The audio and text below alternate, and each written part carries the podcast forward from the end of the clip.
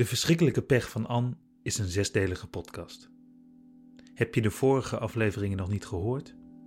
Ga terug. Begin bij het begin. Hoe heeft dit kunnen gebeuren? Wat een verschrikkelijk onrecht. Ik geloof niet dat ik in die dagen in het ziekenhuis echt begreep wat er gebeurde. Eerlijk gezegd weet ik niet of ik het nu, een jaar later, wel begrijp.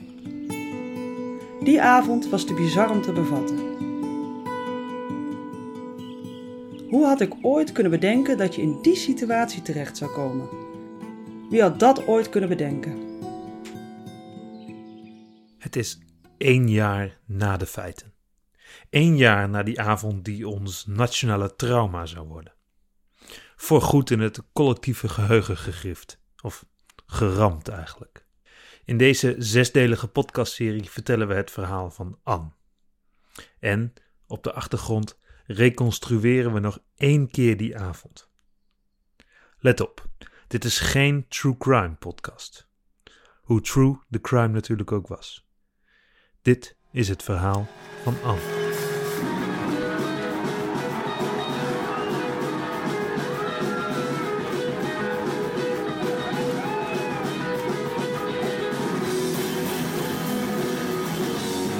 Dit is aflevering 3. Margot.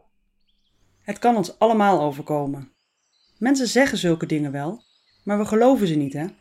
Je zou geen leven meer hebben als je zou geloven dat alles wat je zou kunnen overkomen, je ook echt zou kunnen overkomen. Ik heb nooit gedacht dat dit kon gebeuren, An. Het spijt me dat ik over mezelf begin. Maar ik had ook nooit gedacht dat ik in deze situatie terecht zou komen. Dat ik te laat zou zijn dat ik te laat zou zijn om mijn excuses aan te bieden. Of misschien geen excuses, maar om je te zeggen: je had waarschijnlijk gelijk of ik begrijp je. En ik had nooit gedacht dat ik misschien te laat zou kunnen zijn. Het gesprek met Margot nam ik buitenop, op een bankje en op sommige momenten zelfs traag wandelend. We maakten de opname in een klein bos of misschien was het een boomrijk park. Vogelrijk ook trouwens. Ik zou de aandacht niet gevestigd hebben op deze plek als het niet eigenlijk per ongeluk veel relevantie bleek te hebben voor het verhaal van Anne. De meeste gesprekken voor deze podcastserie werden aan de keukentafel opgenomen. Dat deden we ook omdat opnemen op de belangrijkste locaties voor het verhaal niet meer echt mogelijk was. Daar waar het die avond allemaal gebeurde, zij stonden het niet toe vanwege hun zoals ze dat dan noemden, focus op de toekomst. En ook in een ziekenhuis kan in een jaar blijkbaar veel gebeuren. De vleugel waar Anne lag is omgebouwd. Het zijn nu kantoorruimtes en laboratoria. De meeste gesprekken werden dus opgenomen aan de keukentafel. Behalve het gesprek met Margot. En dat is zowel toevallig als bijzonder. Margot woont aan de rand van dat uh, boom- en vogelrijke bospark. En ze vroeg of we naar buiten konden voor de opname, omdat het zo'n mooie dag was. Ik zag geen reden om dat niet toe te staan. Aan de andere kant van het bospark lag een weide, een soort, ja, meer een weiland. En al wandelend doorkruisten we het zelfs. Pas weken later zou ik erachter komen dat dat het weiland was waar dat festival had plaatsgevonden. Dat festival waar Anne en Yvette elkaar leerden kennen. Je hoorde daarover in aflevering 1. 169 dagen eerder waren we op dat malle festival. In een weiland waren twee podiumpjes opgebouwd en verder was alles vooral heel erg social media geschikt gemaakt. Op dat festival zagen wij elkaar voor het eerst. Ik zag jou al snel. Het duurde even voor je mij ook zag. Ik wandelde met de vroegere beste vriendin van Anne, Margot, een, een vrouw die toch een soort van symbool is gaan staan voor Anne's oude leven, over de plek, het, het weiland, waar Anne de vrouw ontmoette van haar toekomst, op wie ze verliefd zou worden en met wie ze een nieuw leven wilde gaan opbouwen. Margot had er geen idee van, van die nieuwe vrouw niet en van wat zich had afgespeeld op die plek. Er was een moment in onze vriendschap dat ik nooit zal vergeten. Het was in feite geen bijzonder moment. De helft van de wereldbevolking maakte het mee. Voor mij was het symbolisch voor hoe onze vriendschap zich zou ontwikkelen. Hoe het een diepere laag kreeg. Het was in ieder geval een soort startpunt voor de periode dat onze vriendschap het meest intens zou zijn. Zonder een seconde twijfel durf ik te zeggen dat we op dat moment beste vriendinnen waren. Onafscheidelijke beste vriendinnen. Die periode duurde van samen spelen tijdens het opgroeien tot eigenlijk het overlijden van je moeder. Daarna waren we ook nog vriendinnen, maar was alles anders.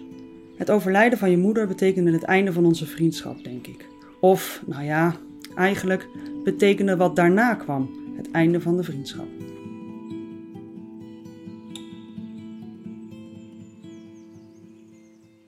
Ik was 14, 15 misschien, zoiets. En ik kreeg borsten. En jij vroeg ernaar. Wat ik ervan vond, wat het met me deed, of ik kon voelen dat het groeide, of ik het mooi vond. Ik groeide op in een gelovige omgeving waar de belangrijkste boodschap was hoe ze te bedekken. Dat was eigenlijk de enige boodschap. Jij, Anne, fietste daar dwars doorheen. Jij stelde me vragen. Dat was zo typerend en zo belangrijk in onze vriendschap, of eigenlijk in mijn leven. Je stelde mij vragen. Ik leerde mijn lichaam ontdekken omdat ik jouw vragen niet kon beantwoorden. Dit klinkt vreemd als ik het zo hardop uitspreek, maar je moet begrijpen dat ik opgroeide in een bubbel waar op zijn zachtst gezegd niet veel vragen werden gesteld. Dat ik het voorbeeld van de ontwikkeling van mijn borsten zo paraat heb, komt niet door het onderwerp of zo. Ik herinner het me omdat het zo goed laat zien hoe bepalend onze vriendschap voor mij was. Ik ontdekte mijzelf omdat jij me vragen stelde. In een omgeving waarin ik leerde me te gedragen naar hoe iets was, vroeg jij me waarom iets was zoals het was. Het is best lastig om me alles goed te herinneren. Er gebeurde zoveel. Het voelt misschien even wat geforceerd, maar het helpt om het verhaal te vertellen alsof je weer tegen Anne spreekt. Alsof je weer aan haar bed zit. Oké. Alsof ik weer bij haar zit. Anne, ik weiger om te zeggen dat we nu geen vriendinnen meer zijn, ongeacht wat je een paar weken eerder kwam vertellen. Ik beschouw jou nog altijd als een vriendin, mijn beste vriendin. Misschien verwatert dat gevoel langzaam, maar ik kan niet besluiten dat we geen vriendinnen meer zijn. Niet zoals jij dat blijkbaar wel kon. We zijn vriendinnen, bijna zo lang als ik me kan herinneren. Dat wuif ik niet zomaar weg. Onze vriendschap had voor mij een soort onvoorwaardelijkheid. Vriendschap ondanks alles misschien ondanks onze verschillen. En misschien bewees onze vriendschap dat je over fundamentele zaken echt anders kan denken en tegelijkertijd helemaal niet zoveel van elkaar verschilt. Ik ben gelovig, op zo'n manier dat het mijn leven bepaalt. Dat klinkt stom. Geloof bepaalt natuurlijk altijd je leven. Wij waren thuis, zoals anderen dat zouden noemen, streng gelovig. Anne omschreef het eens geestig, maar sloeg de spijker best op zijn kop. Ze zei over mij en eigenlijk iedereen in mijn omgeving: Jullie doen dat geloven er niet gewoon eventjes bij, hè? En ze had gelijk. Ik deed het er niet bij. Ik probeerde mijn leven in dienst te stellen van God. En dat doe ik nog altijd. Dit gesprek moet helemaal niet over mijn geloof gaan eigenlijk. Maar mijn geloof heeft zo'n belangrijke rol gespeeld in de manier waarop ik een plekje heb in Ans familiegeschiedenis. Om het verhaal volledig te vertellen, moest ik het er wel even over hebben. Voor mij had onze vriendschap iets onvoorwaardelijks. Ik kon me niet voorstellen dat het überhaupt ooit zou eindigen.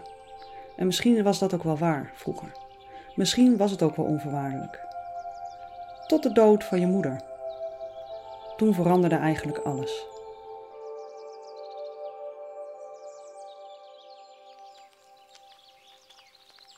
Je moeder. Als iemand een beroep had wat haar karakter verbeelde, dan was het je moeder wel. Een krachtige, vrije vrouw een vrachtwagenchauffeuse. Een krachtige, vrije vrouw die negeerde dat anderen dit een mannenberoep vonden. Af en toe reageerde ze erop, dat deed ze spitsvondig en direct. Ze snoerde iedere kritische mond met één zin. Het was een vreselijke nacht toen ze overleed. En de enige getuigenis over wat er precies gebeurd is, is van die twee kinderen. En, nou ja, daarover bestaat nog altijd wat twijfel. Ik was veel bij jullie thuis en ik voelde me op een bepaalde manier ook wel echt onderdeel van de familie. Eigenlijk wil ik het er niet meer te veel over hebben, maar vlak na het overlijden van je moeder was ik niet langer welkom. Met de beste bedoelingen, maar zonder enig tact, sprak ik uit wat ik altijd hoorde en leerde wanneer iemand overleed. En in mijn kringen, als ik dat zo mag noemen, leek het altijd een soort van troost te brengen. Hardop sprak ik uit dat het schijnbaar haar tijd was geweest. Dat God haar bij zich had gehaald. Wat een naïef kind was ik.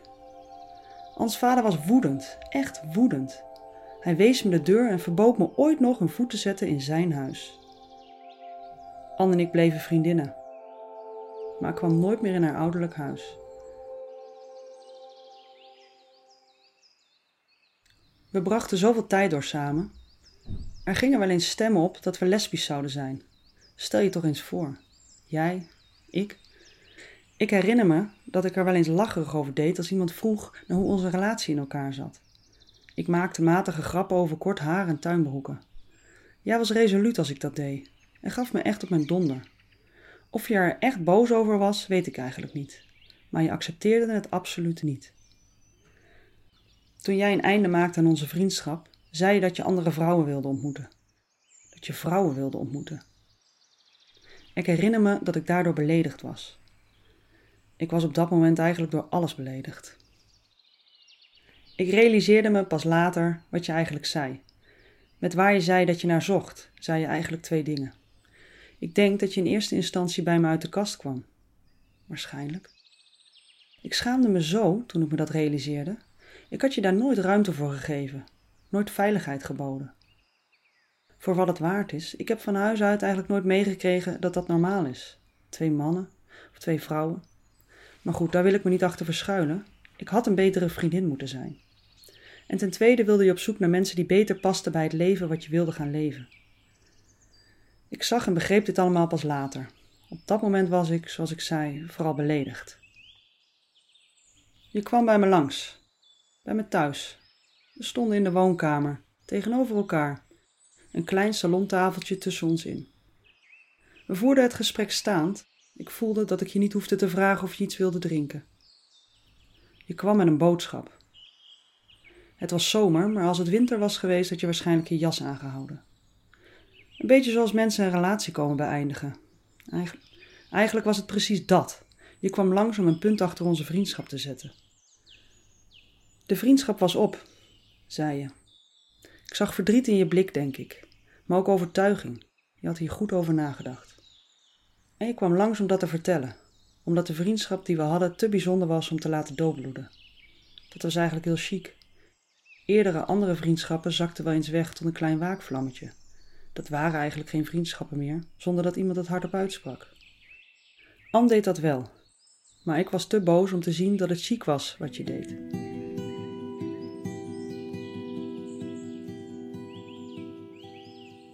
Ik was nog boos toen je vertrok en het kostte me best even om door te hebben wat je deed. Omdat ik het niet begreep toen. Misschien was ik te egoïstisch. Misschien vertelde jij me wat ik niet wilde zien. Ik zag je pas weer toen je in het ziekenhuis lag. En ik was te laat om je te zeggen, of misschien was ik te laat om je te zeggen, dat ik het waarschijnlijk snap.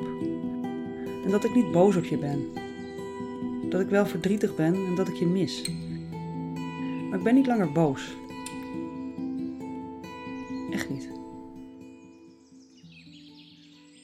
Het was fijn om een paar uren bij je te zitten. Al voelde het alsof ik moest onderhandelen met je broer en vader om tijd met je door te kunnen brengen. Mijn handen af van jouw afscheid, als dat er zou komen, in ruil voor een paar uren alleen met jou, aan je ziekenhuisbed. Het was geen onderhandeling die expliciet werd uitgesproken, of überhaupt hardop. Het was meer, nou ja, je kent de band die ik met je vader had. En van je broer verwachtte ik niet iets anders. Hij was eventjes volledig solidair met je vader. Dat begreep ik goed. Misschien had ik je dit helemaal niet moeten vertellen toen ik daar naast je zat. Mocht je iets meekrijgen van wat ik je vertelde, was het misschien niet plezierig om te horen dat er nog altijd geen verzoening was tussen je vader en mij. Misschien moest ik het wel vertellen. Ik wilde je uitleggen waarom ik bij je zat. Waarom ik bij je zat, ondanks jouw besluit over onze vriendschap. Ik wilde er zijn om je uit te leggen dat ik je begreep. Dat ik snapte wat je deed bij dat laatste gesprek. Ik was niet boos meer. En dat vertelde ik je niet omdat je in het ziekenhuis lag en slapend werd gehouden. Al voelde ik daardoor wel meer haast om het je te vertellen.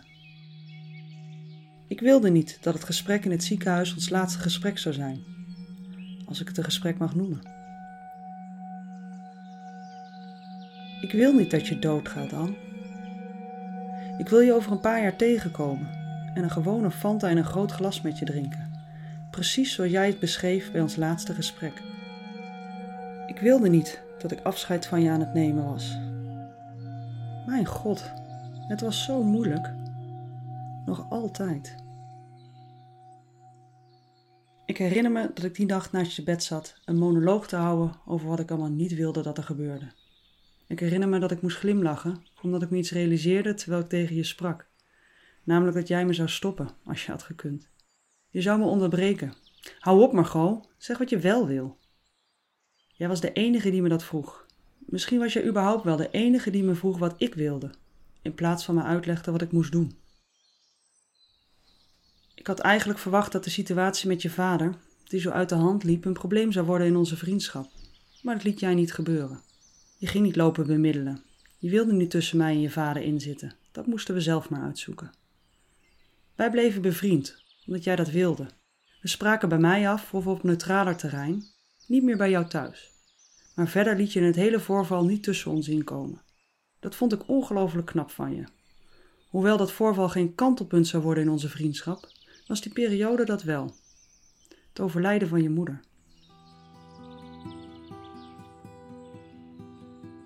Ik kon je niet steunen. Of nou ja, ik kon je helpen. Dat zal ik zo uitleggen. Maar echt steunen? Ik kende maar één manier. En dat was niet de manier die jij nodig had. Jij had God niet nodig om je te steunen, vond je. Je had mij nodig. En ik wist niet hoe ik je moest steunen zonder God daarbij te betrekken. Ik wilde je steunen, natuurlijk. Ik wilde er voor je zijn. Maar ik wist eigenlijk niet precies hoe. Ik weet dat je probeerde om thuis zoveel mogelijk dagen zorgeloos voorbij te laten gaan. Want tijd hield wonden, zoiets. Maar dat was bij jou thuis. Dat was niet de manier waarop je met mij wilde omgaan. Juist op het moment dat onze vriendschap meer diepgang nodig had, werd hij oppervlakkiger.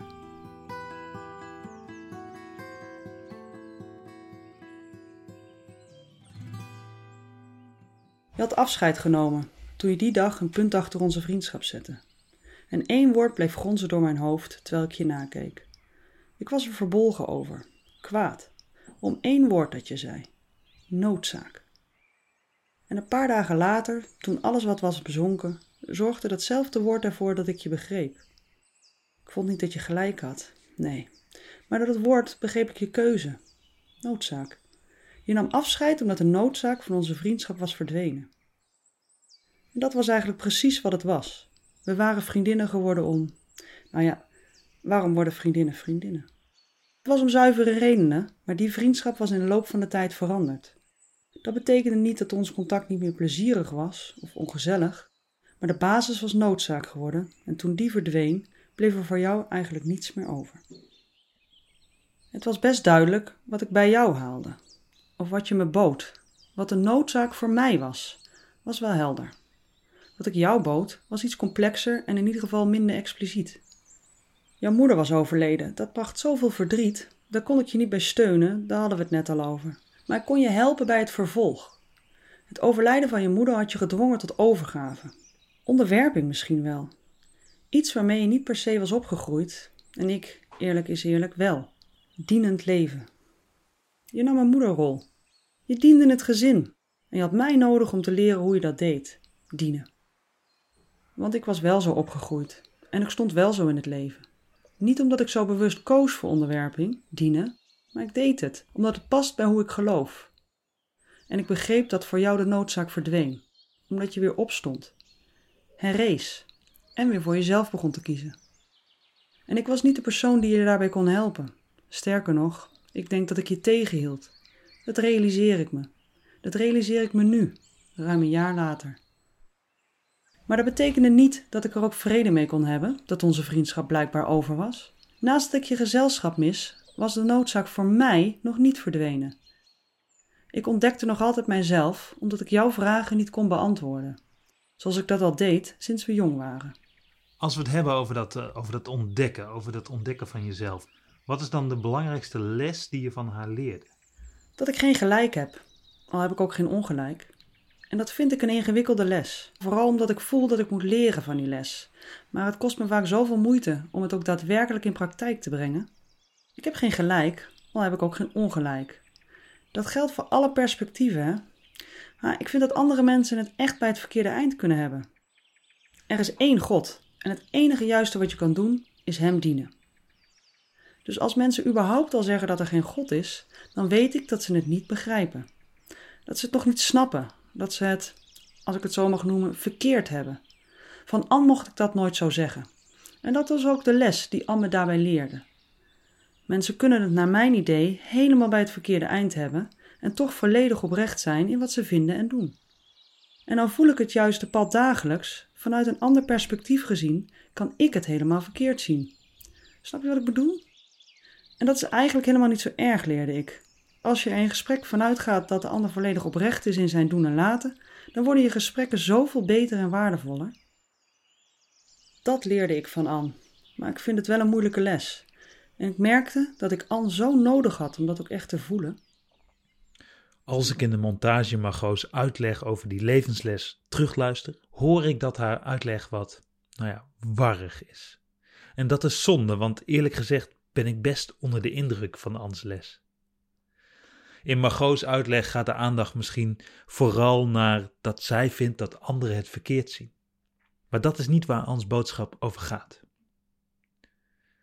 Wanneer Margot en ik teruglopen vanuit het bospark, spreken we er nog uitgebreid over. En dit is dus nadat ik de opnameapparatuur uitzette. Excuus voor deze beginnersfout. De les die Anne Margot leerde was niet dat Margot het goed of fout had, of dat iemand het goed of fout had. Maar ze leerde Margot kritisch te kijken naar haar eigen perspectief. Niet naar de inhoud. Het is prima als Margot gelooft wat ze gelooft, maar naar het perspectief. Dus al voelt of ervaart Margot het als onbegrijpelijk dat anderen iets niet zien wat voor haar zo overduidelijk is. Het kan zo zijn dat iemand anders op precies dezelfde manier iets voelt of ervaart, heel oprecht, en het daardoor onbegrijpelijk vindt dat Margot het niet ziet. Ik vind het zo'n verstandig idee van Anne. Om de aandacht te verschuiven van de inhoud naar het perspectief. Want mensen overtuigen elkaar natuurlijk nooit als het gaat om inhoud. Zeker niet op religieus gebied. Dat is immers het hele idee. Geloven dat wat jij gelooft juist is. Er zijn religies of gelovigen en ongelovigen, wat je wil, die lijnrecht tegenover elkaar staan. En elkaar nooit op inhoud zullen vinden. Maar die qua overtuiging en beleving van die inhoud vreselijk veel op elkaar lijken. Ik vond het knap dat Anne Margot dit had geleerd zonder dat zij daarbij een kant koos, zonder de aandacht te leggen op verschillen, zonder te stellen dat Margot ongelijk had, of zonder te stellen dat Margot wel gelijk had. Leerde Anne Margot om overeenkomsten te zien, toonde ze grond om genuanceerder en met minder oordeel met elkaar in gesprek te gaan. Zo.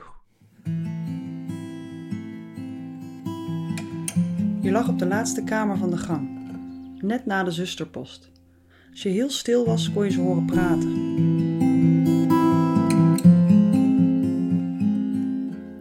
Je lag alleen op een kamer.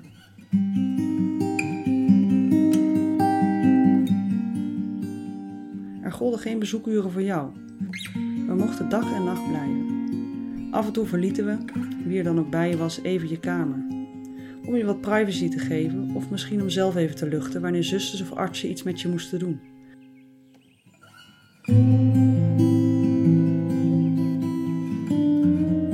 Wassen, meten, dat soort dingen.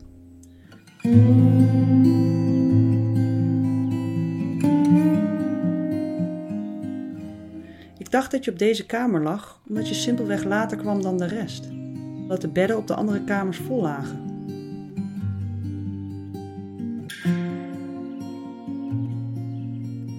Maar de situatie is anders.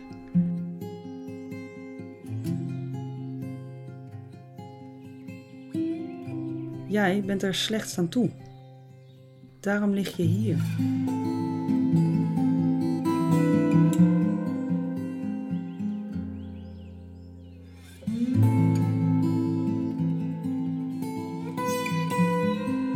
Ze erover praten. We moeten hopen op een wonder.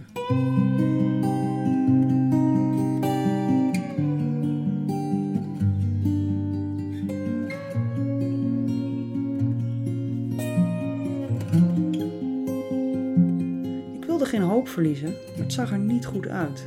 Je was echt zwaar gewond. Waarschijnlijk zwaarder dan wij dachten. Ik ga, lieve Anne. Blijf vlak bij je. Ik ben in de wachtkamer. Dank. Over twee weken aflevering 4. Vader. Mijn dochter ben ik kwijtgeraakt. En ik denk dat ik dat zag gebeuren. Ik, ik, ik zag het gebeuren. En ik kon er niets tegen doen. Het, het lukte me niet. En misschien vond ik haar pas weer terug toen ze in het ziekenhuis lag. Of misschien zag ik toen pas hoe erg ik haar kwijt was geraakt. Meer over de verschrikkelijke pech van Anne, zoals directe links, achtergronden, contact, vind je op deverschrikkelijkepechvananne.nl. Volgen via sociale media kan natuurlijk ook. Zoek de verschrikkelijke pech van Anne via Instagram en Facebook. Dank.